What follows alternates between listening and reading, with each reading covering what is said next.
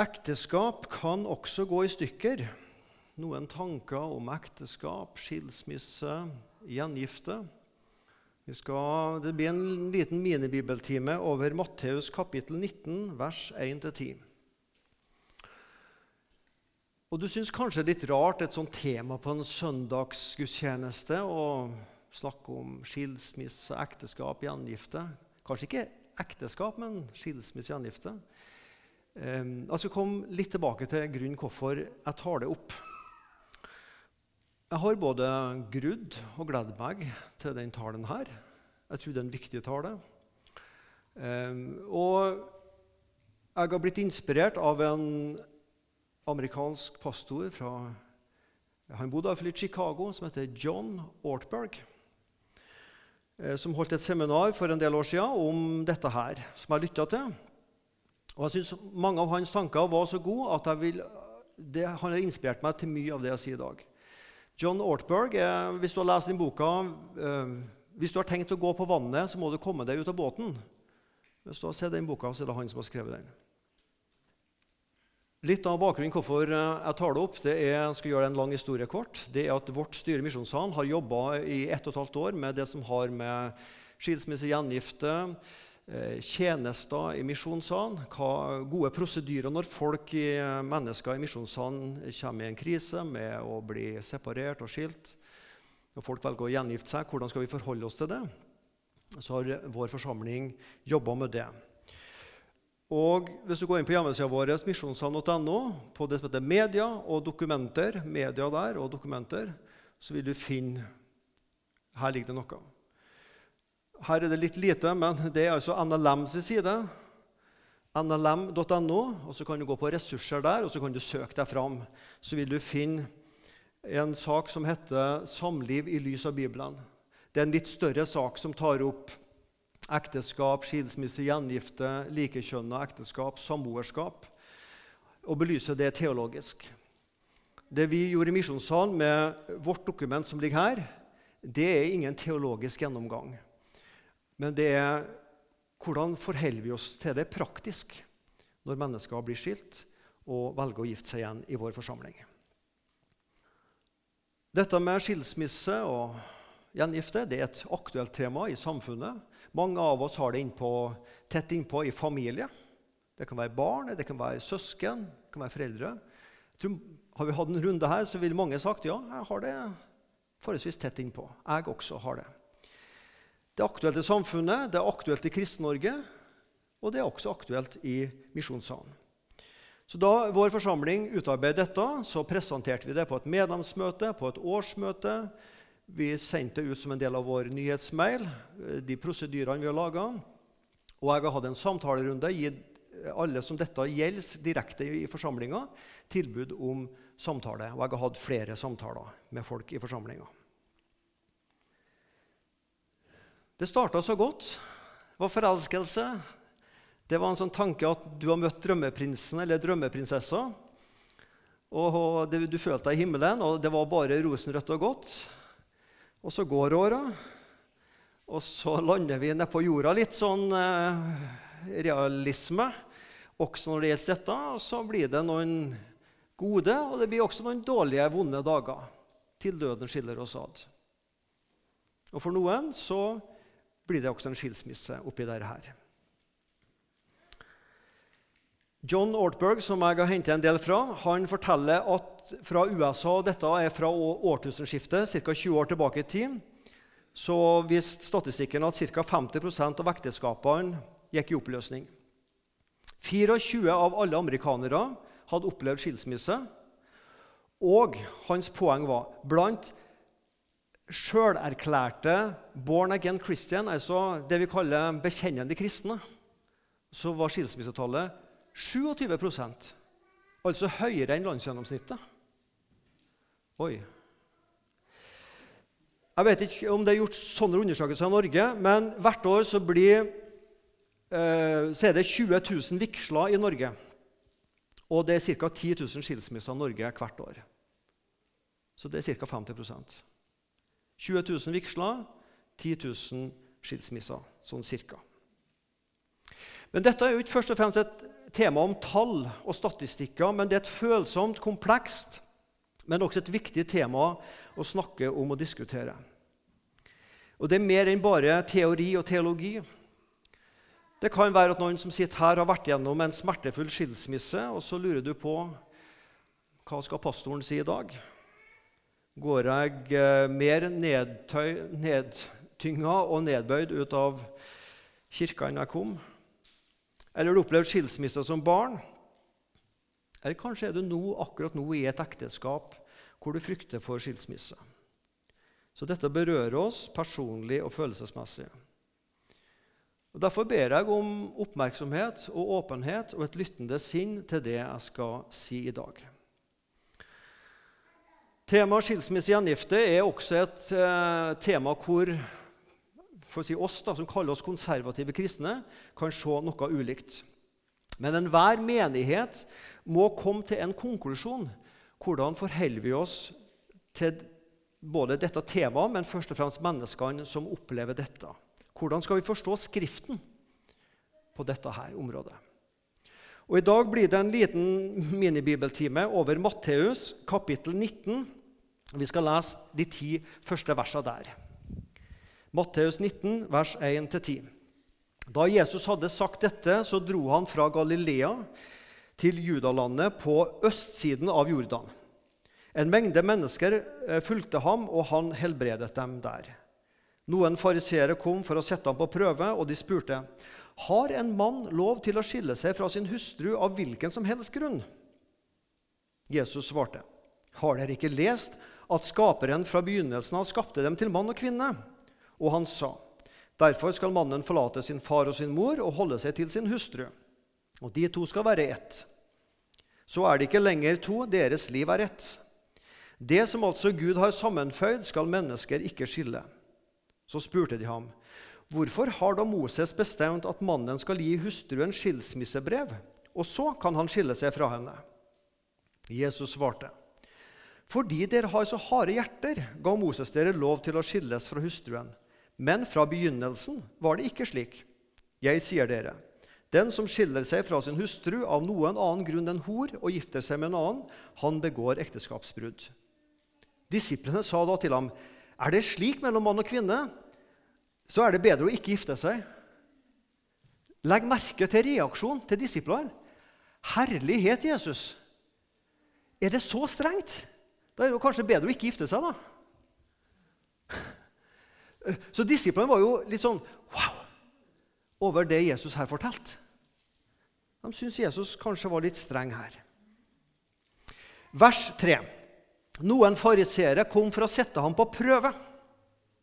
Og det gjorde fariseerne ofte, om det nå gjaldt eh, sabbatsbudet, andre religiøse forskrifter, eller her skilsmisse og ekteskap.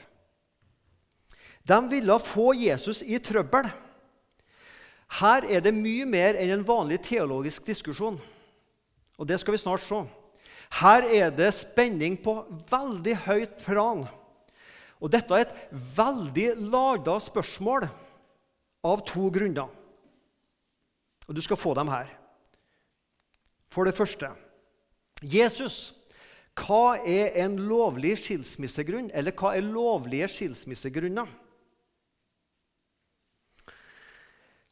I 5. Mosebok kapittel 24 vers 1 så står det dersom en mann tar seg av en hustru og gifter seg med henne, og han ikke bryr seg om henne lenger fordi han har funnet noe ved henne som byr han imot. Da kan han skrive et skilsmissebrev og gi henne i hånden og sende henne bort fra sitt hus. På Jesu tid så foregikk det en større teologisk diskusjon. Hva er gyldige skilsmissegrunner?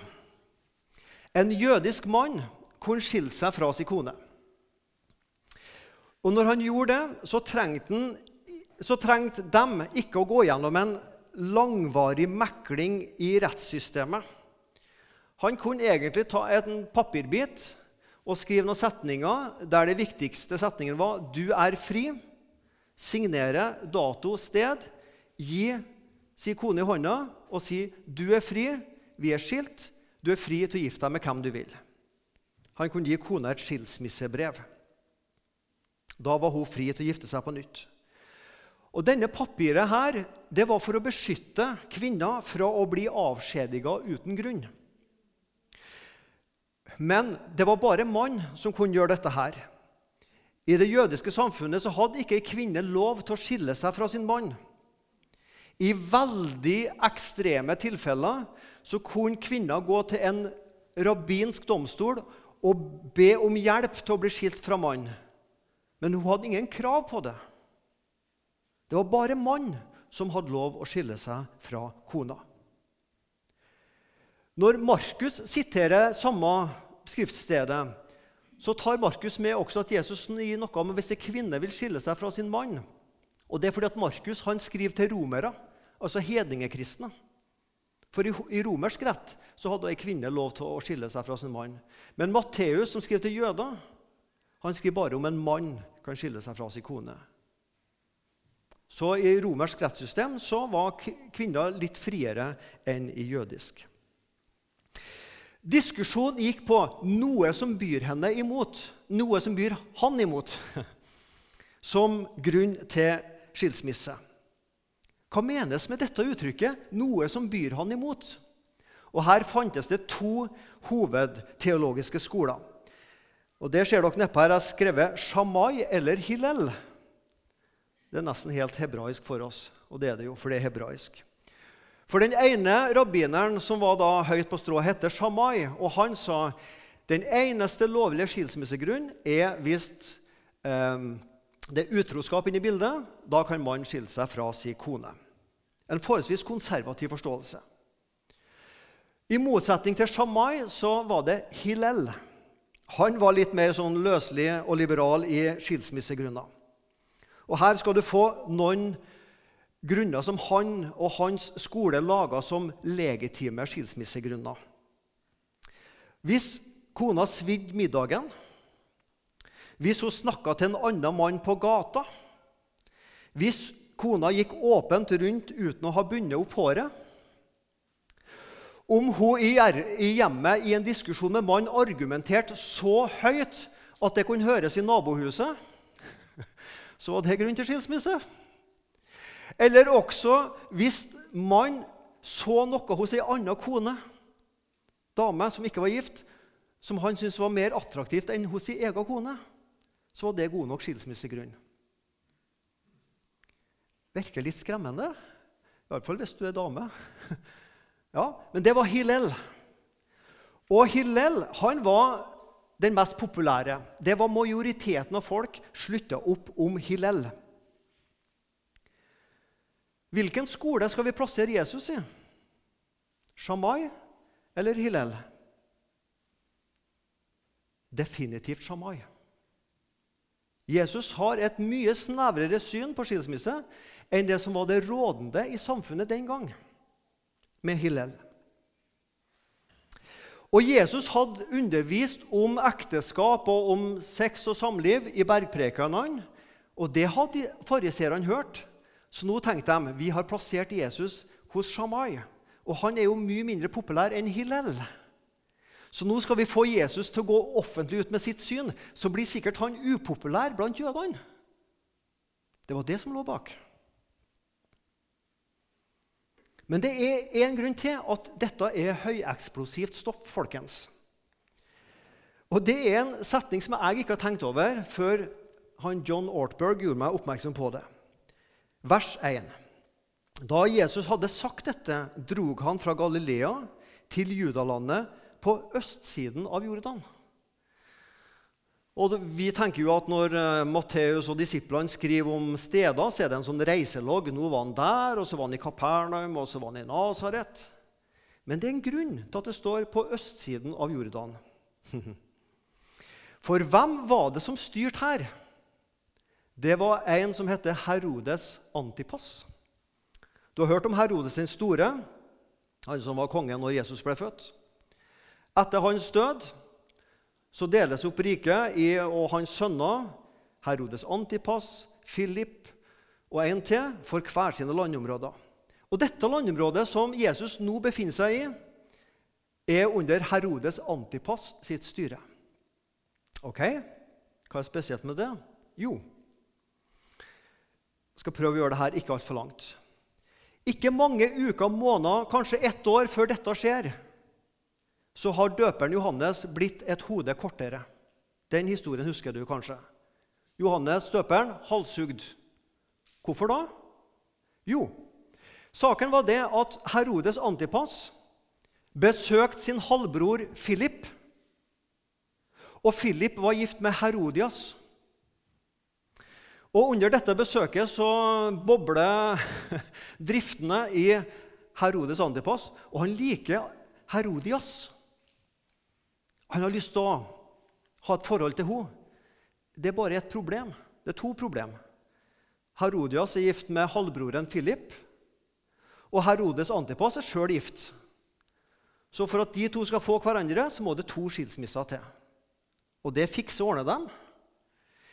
I Herodes sin store familie så var det faktisk ni skilsmisser. Så de hadde ikke så veldig gode ekteskapelige ja, rykter i den familien. Og så blir de gift. Og så kommer døperen Johannes inn og er sandpapir i deres forhold. Herodes Antipas. Det er ikke riktig av deg å ta din halvbrors kone og gifte deg med henne. Det er feil. Markus kapittel 6. Det er ikke lov for deg Antipas, å gifte deg med din halvbrors kone. Og på grunn av det så hata Herodias, altså hun da, hun hata døperen Johannes så mye at hun benytta anledningen til å få kutta av en hode. Ja, Ikke bare det, men å legge hodet på et serveringsfat. Det er jo makabert, men det står jo om det i Bibelen. Hva er det Herodias vil med, denne, vil med å kutte hodet på døperen Johannes? Hun vil sende et signal. Den som kritiserer oss for vårt ekteskap, risikerer å bli et hode kortere. Og Nå skjønner du tegninga. Jesus befinner seg på østsiden av Jordan, i et område som heter Perea, der Herodes Antipas styrer. Og her tenker fariseerne aha. For det første så setter vi Jesus i en upopulær situasjon. Han går ut med sitt syn på skilsmisse og gjengifte, som ikke er det som er mest populært blant jødene. Og for det andre så er han nå i det området der døperen Johannes for noen måneder siden fikk kutta sitt hode fordi han kritiserte Herodes Antipas og Herodias for deres ekteskap. Og Herodias og Herodes Antipas her ble det mye Herodes, de lever fortsatt. Så hvis bare de får høre om Jesus, som også ble døpt av døperen Johannes, så kanskje de kommer og kutter hodet på Jesus også. Her er høyeksplosivt stoff. Dette er grunnen til at fariseerne tar det opp akkurat her. Man vil sette Jesus i en utrolig vanskelig situasjon. Så Jesus, hva har du å si om skilsmisse? Er det best å tie og ikke si noe? Ja, sier Jesus, jeg har noe å si om skilsmisse. Det er ikke Guds vilje at mann og kvinne skal skilles. Når fariseeren prøver å sette Jesus i en vanskelig situasjon, ikke bare sier han hva han mener, men han prøver heller ikke å unngå å sette seg i en vanskelig situasjon. Det er som om Jesus sier. De kappa hodet av døperen Johannes. La dem kutte så mange hoder de vil. Jeg har bestemt meg, jeg vil ikke tie stille.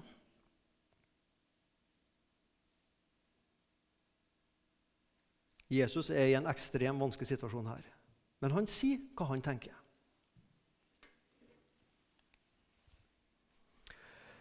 Matteus 19, vers 4-5.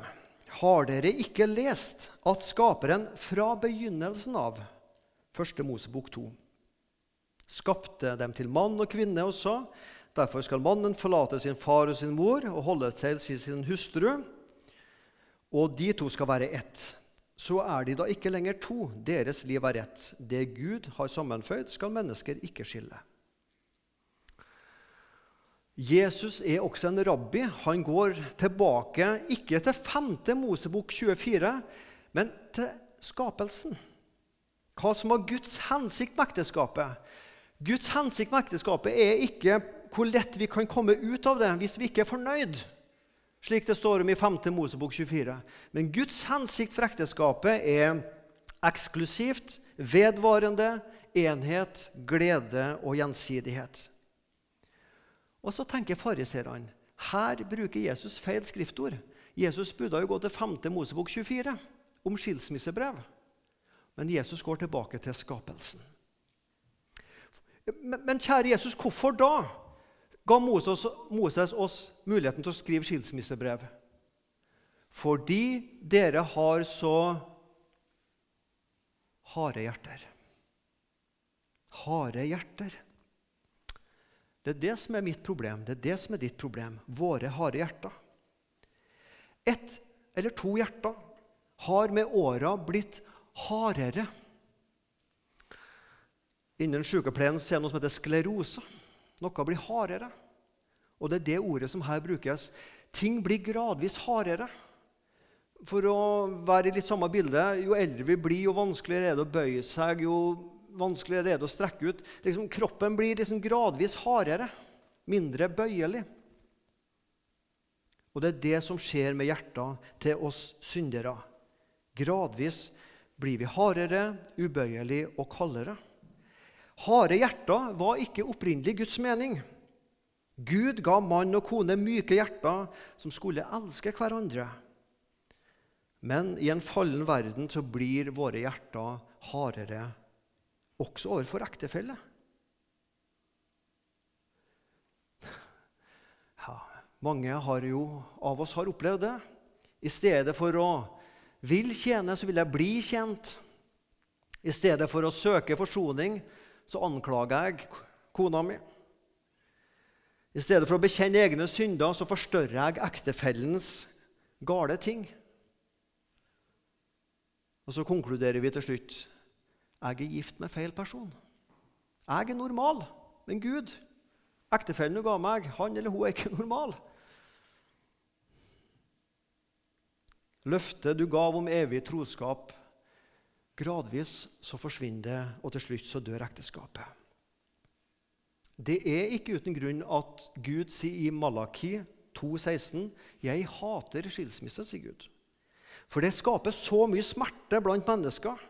Harde hjerter er en menneskelig realitet. Det er en konsekvens at vi lever i en fallen verden.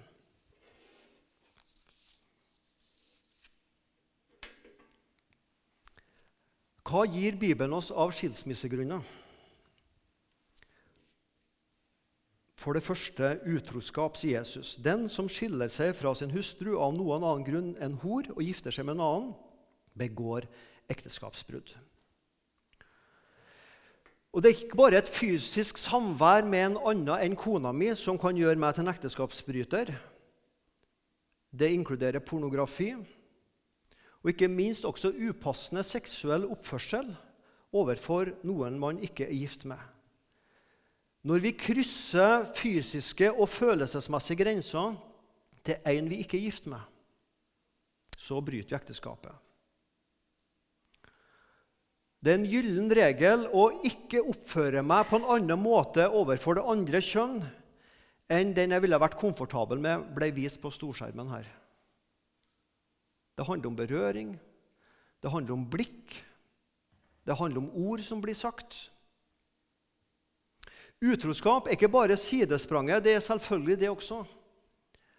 Men utroskap er også når det har blitt et mønster der personen ikke viser tegn til anger.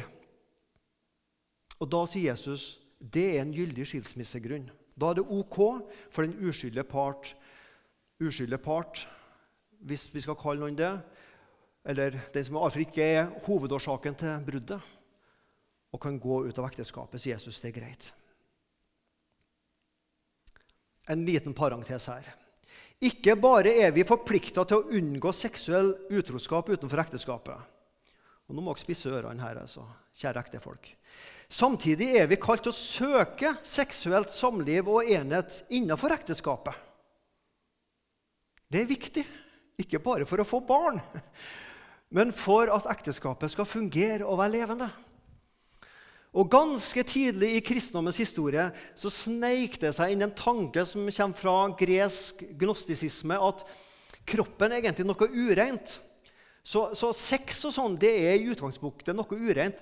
Det skal bare brukes til å få barn, men helst ikke mer. En kirkefader som heter Jerome, har jeg hørt, han sa en gang på 400-tallet til de kristne Den som elsker sin kone på den ordinære måten, han er en ekteskapsbryter. Du vet hva den ordinære måten er? Ja. Altså, så gale ble det at du skulle liksom bare bruke sex til å få barn, og ikke mer. Og så ble, Hos mange ble dette en sånn kristen tanke at sex er noe skittent. Noe Gud egentlig det er bare en nødløsning for å føre slekta videre. Nei, i jødisk tankegang så er seksualitet noe høyverdig og fint. De jødiske rabbinerne har et skrift etter seg som heter Talmud, med sitater fra jødiske rabbinere. Det er ikke kristent, men det er jødisk. Og Her er det mange sitater om hvor de laga til og med regler hvor ofte ei kvinne kunne forvente, ei kone kunne forvente seksuell aktivitet fra sin mann, avhengig av hva slags type arbeid han hadde. Hvis han ikke hadde noe veldig fysisk krevende arbeid, så kunne kvinner, hvis kvinner ønska det, forvente seksuelt med sin mann én gang per dag. Hvis han drev og rei med kameler og liksom for mye og reisa ut, så var det en gang i måneden. Hvis han var en seiler og reiste mye på havet, så var det en gang i halvåret. Og Dette var for at dette kunne kvinner ønske hvis hun ville. Og vi tenker liksom, Er det mulig at, kunne, at de kunne skrive sånn? liksom? Men det viser noe om hvor høyverdig man satt det seksuelle samlivet i ekteskapet i den jødiske kontekst. Og det er den tradisjonen vi kommer fra, og ikke en sånn gresk gnostisk tankegang at kroppen er egentlig noe skittent. Ikke, det var parang til slutt. Men det sier noe om at ikke bare er vi kalt til å unngå utroskap, men også du som mann og kvinne i ekteskapet skal nyte det seksuelle samlivet. Og Nettopp fordi ekteskap og seksualitet er så hellig, så blir det så vondt og vanskelig når det ødelegges ved utroskap. Og derfor blir skilsmisse ofte det ene rette i enkelte tilfeller der det har foregått utroskap. Det er ingen plikt å ta ut skilsmisse når det er utroskap, men det er en rettighet, sier Jesus. Det var den første grunnen til bibelsk skilsmisse, utroskap. Den andre, som Paulus skriver om i 1. Korinterne 7, skal ikke jeg si så mye om, men bare litt det er hvis den ikke-troende vil skille seg. Hvis den ikke-troende part vil skilles, så la ham gjøre det. I slike tilfeller er ikke en kristen mann eller kvinne bundet. Gud har kalt oss til fred. Der, der står det 'kvinne', fordi Paulus skriver til den gresk-helenistiske verden som ikke fulgte jødiske reglene. Der hadde kvinner lov til å skille seg fra sin mann. Hadde Paulus skrevet til jøder, så hadde han ikke trangt å ta med kvinner, for dem hadde jo ikke lov til det i jødisk sammenheng. Når den ikke-troende vil skille seg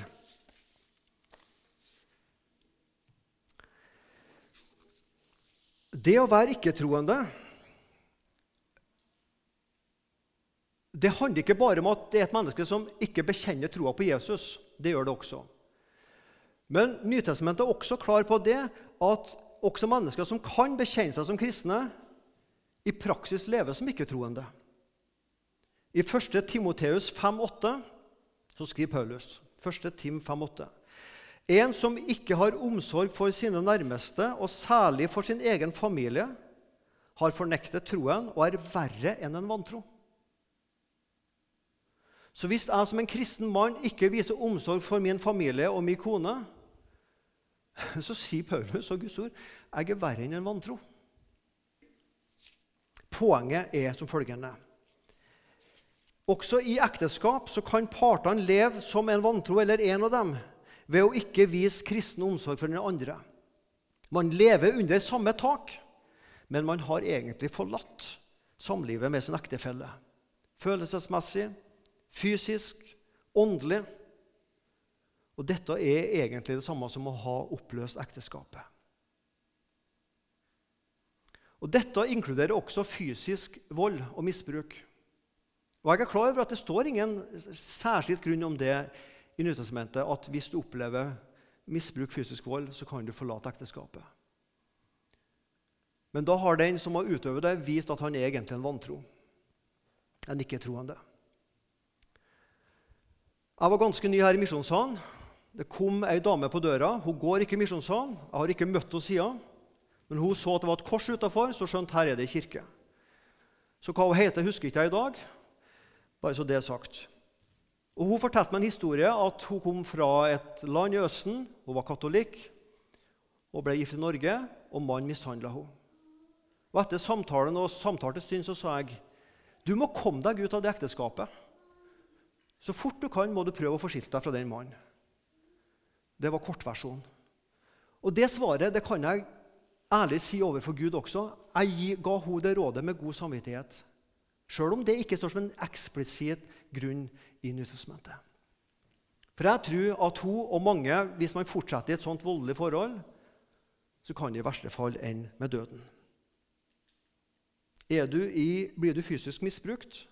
Hvis din ektefelle viser tegn på anger og villig til å samtale om dette her og få hjelp, så ta det et steg derifra.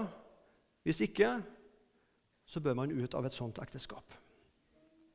Det er ulike måter vi kan oppgi et ekteskap på. Det kan være vold, det kan være langvarig mønster med å bedra den andre, psykopati, vedvarende mønster ved å lyve.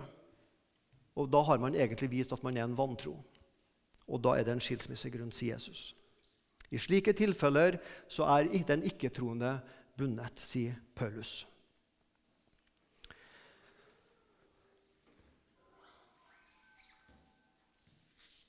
Denne menigheten som han, pastoren som jeg refererer litt til, fortalte om, den har fortalt litt om hvordan de har jobba i den menigheten med dette med skilsmisse og gjengifte. Og Litt av det også er det som er bakgrunnen for der vi i Misjonssalen eh, landa litt når det gjelder syn på gjengifte. Um, når skilsmissen brukes som et verktøy for å finne seg en ny ektefelle, da er et nytt forhold helt uakseptabelt. For da er jo hensikten utroskap. Akkurat som Herodes Antipas og Herodias. Det å søke og date en ny kjæreste før det første ekteskapet er ferdig juridisk og følelsesmessig, det er totalt uakseptabelt. Det må først være, og bør og må være, en periode med sorg og sjølrefleksjon og sjølransakelse over sin egen rolle også i en skilsmisse. Det må gå en viss periode før vi kan synes at det er greit at man igjen prøver med en annen en. Hvor lang den tidsperioden skal være, det ønsker jeg ikke å si noe om. Men det må være en form for også en var det noe med meg, var det noe jeg så, var det noe jeg gjorde, som forårsaka dette? For det andre når, ikke, når man ikke ser noen signaler på omvendelse eller et brutt hjerte over det som forårsaka skilsmissen For enhver skilsmisse består av to syndere. I vårt dokument som vi har kalt om tjeneste og lederoppgaver for skilte og gjengifte misjonssalen, så bruker ikke vi direkte uttrykket 'den skyldige og uskyldige part', men vi snakker om den som må bære et hovedansvar for en skilsmisse. Men også for den som ikke må bære et hovedansvar, så tror jeg det er viktig å tenke gjennom var det noe med mine valg også som forårsaka dette. Og Jeg tror også man skal tenke er gjenopprettelse av det første ekteskapet en mulighet. Og det kan komme til at man kommer til å si nei, det er ikke det. Da får man gå videre. Men man bør iallfall tenke gjennom det. Er, er det en mulighet?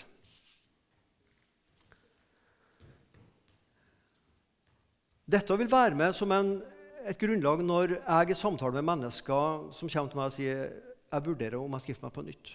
Hva tenker du om det, Svein Anton? Da vil disse tingene være med når jeg gir mine råd, sammen med det Bibelen ellers sier. Helt til slutt. nye, ømme hjerter. Vi la oss om steinhjertene, de harde hjertene. Guds plan var jo, var jo ikke at mennesker skulle ha harde hjerter, men det er jo en resultat av syndefallet. Men Gud har en drøm om de ømme hjertene. Det hadde Adam og Eva for hverandre. Etter syndefallet så ble hjertene hardere og hardere. Det er den andres feil. Kvinna du ga meg, hun er årsaken. Det er ikke meg, det er hun. Jeg er gift med feil kvinne. Esekiel 36, vers 26-27. Esekiel 36, 26-27. Jeg gir dere et nytt hjerte. En ny ånd gir jeg inni dere. Jeg tar steinhjertet ut av kroppen deres og gir dere et kjøtthjerte i stedet.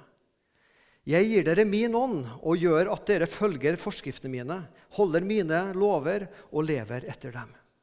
Gud gir et løfte om et nytt hjerte og en ny ånd. Og Det kom med Jesus Kristus, og det kom med Den hellige ånd. Altså ved skapelsen ømme hjerter, ved fallet hardere hjerter, og ved, forsoninga og det tilgivelsen i Kristus og Den hellige ånd, så kommer Gud med nye, ømme hjerter. Det som Jesus vil si, det kommer en ny dag. Da kan gi dere nytt hjerte og en ny ånd. Og Dette er noe tilgjengelig for alle syndere. Ikke bare for profetene og kongene og de mest åndelige. Men alle troende som har fått Den hellige ånd, har også fått et nytt, ømt hjerte inni seg. Guds rike kommer når dette hjertet får plass i oss. Moses ga dere lov til å skille dere pga. harde hjertene. Men det som Jesus vil si, nå har en ny dag kommet med ømme hjerter, hvor Guds rike skal herske i dere. Ny ånd, nye hjerter er tilgjengelig. Guds rike har kommet. Jeg kommer med håp, sier Jesus. Han kommer med håp også for ekteskapet. Og håpet er jo ikke at du kommer til å få et ekteskap du alltid har ønska deg, eller at ektefellen kommer til å forandre seg sånn som du ønsker at den skal forandre seg. Ja. Men det kristne håpet er at Guds rike gradvis kan komme i mitt harde hjerte og prege også mitt forhold til min ektefelle. Ta steinhjertet ut og et nytt kjøtthjerte som slår og banker for Gud og Guds rike for min ektefelle. Hva innebærer det å få et nytt hjerte hvis du er gift, f.eks.? Hvis du er gift, og det er mange her. Du prøver å unngå konflikter og ender opp med å bli kald og hard. Men med et nytt ømt hjerte ønsker du og risikerer du nå i kjærlighet å si sannheten om ekteskapet ditt til ektefellen din. Du er såra og du er skada, og kanskje er du frista også til å forlate ektefellen din, men du velger å bli værende. Du velger å kjempe for å holde fast på det løftet dere en gang gav om evig troskap til døden skiller dere ad. Og hvis Gud lar oss leve til vi blir gamle og grå, så ser jeg forbi, og kona mi forby mine rynker, og til den ånden og den friske sjela som Gud hadde skapt, den ømme hjertet som Gud har la ned i oss. Og når dette skjer, så kommer Guds rike enda sterkere også inn i ditt og mitt ekteskap. Guds rike bryter inn i våre ekteskap. Bryter inn på en god måte. vet du. Vi skal ikke bryte ut ekteskapet, men Guds rike kommer og bryter inn i vårt ekteskap med ømme hjerter. Hva innebærer det å få nye hjerter hvis situasjonen din er ytterst vanskelig, komplekst og forvirrende for tida? Og hvis du skal være helt ærlig med deg sjøl, kanskje så er du ikke helt sikker på noe hva du skal gjøre med ekteskapet ditt. Og du vet det fins ingen sånn quick fix, rask løsning på de problemene du står i. Vend hjertet til Gud i din usikkerhet. Vær tålmodig og vent på svar. Ikke gjør noe dumt og overilt. Vær en del av det kristne fellesskapet. Finn en å betro deg til. Søk bønn og bli fornya ved Guds ord. Og når det skjer, så bryter Guds rike inn i det ømme hjertet og former deg. Kanskje innebærer det å få et nytt hjerte følgende til deg som har vært gjennom en skilsmisse. Kanskje ble du skilt sjøl om du gjorde ditt ytterste for at ekteskapet ikke skulle gå i oppløsning. Du ble så enormt skuffa over de dårlige valgene ektefellen din gjorde. Og du er i behov av indre helbredelse. Når du åpner ditt hjerte for kristne brødre og søstre og samtale, så bryter Guds rike inn også der. Eller du må bære et hovedansvar for skilsmissen. Kanskje du har vanskelig for å, til og med å se din egen rolle i skilsmissen. Da også trenger du en å snakke med. Og kanskje også omvendelse trenger omvendelse er nødvendig i en sånn sak.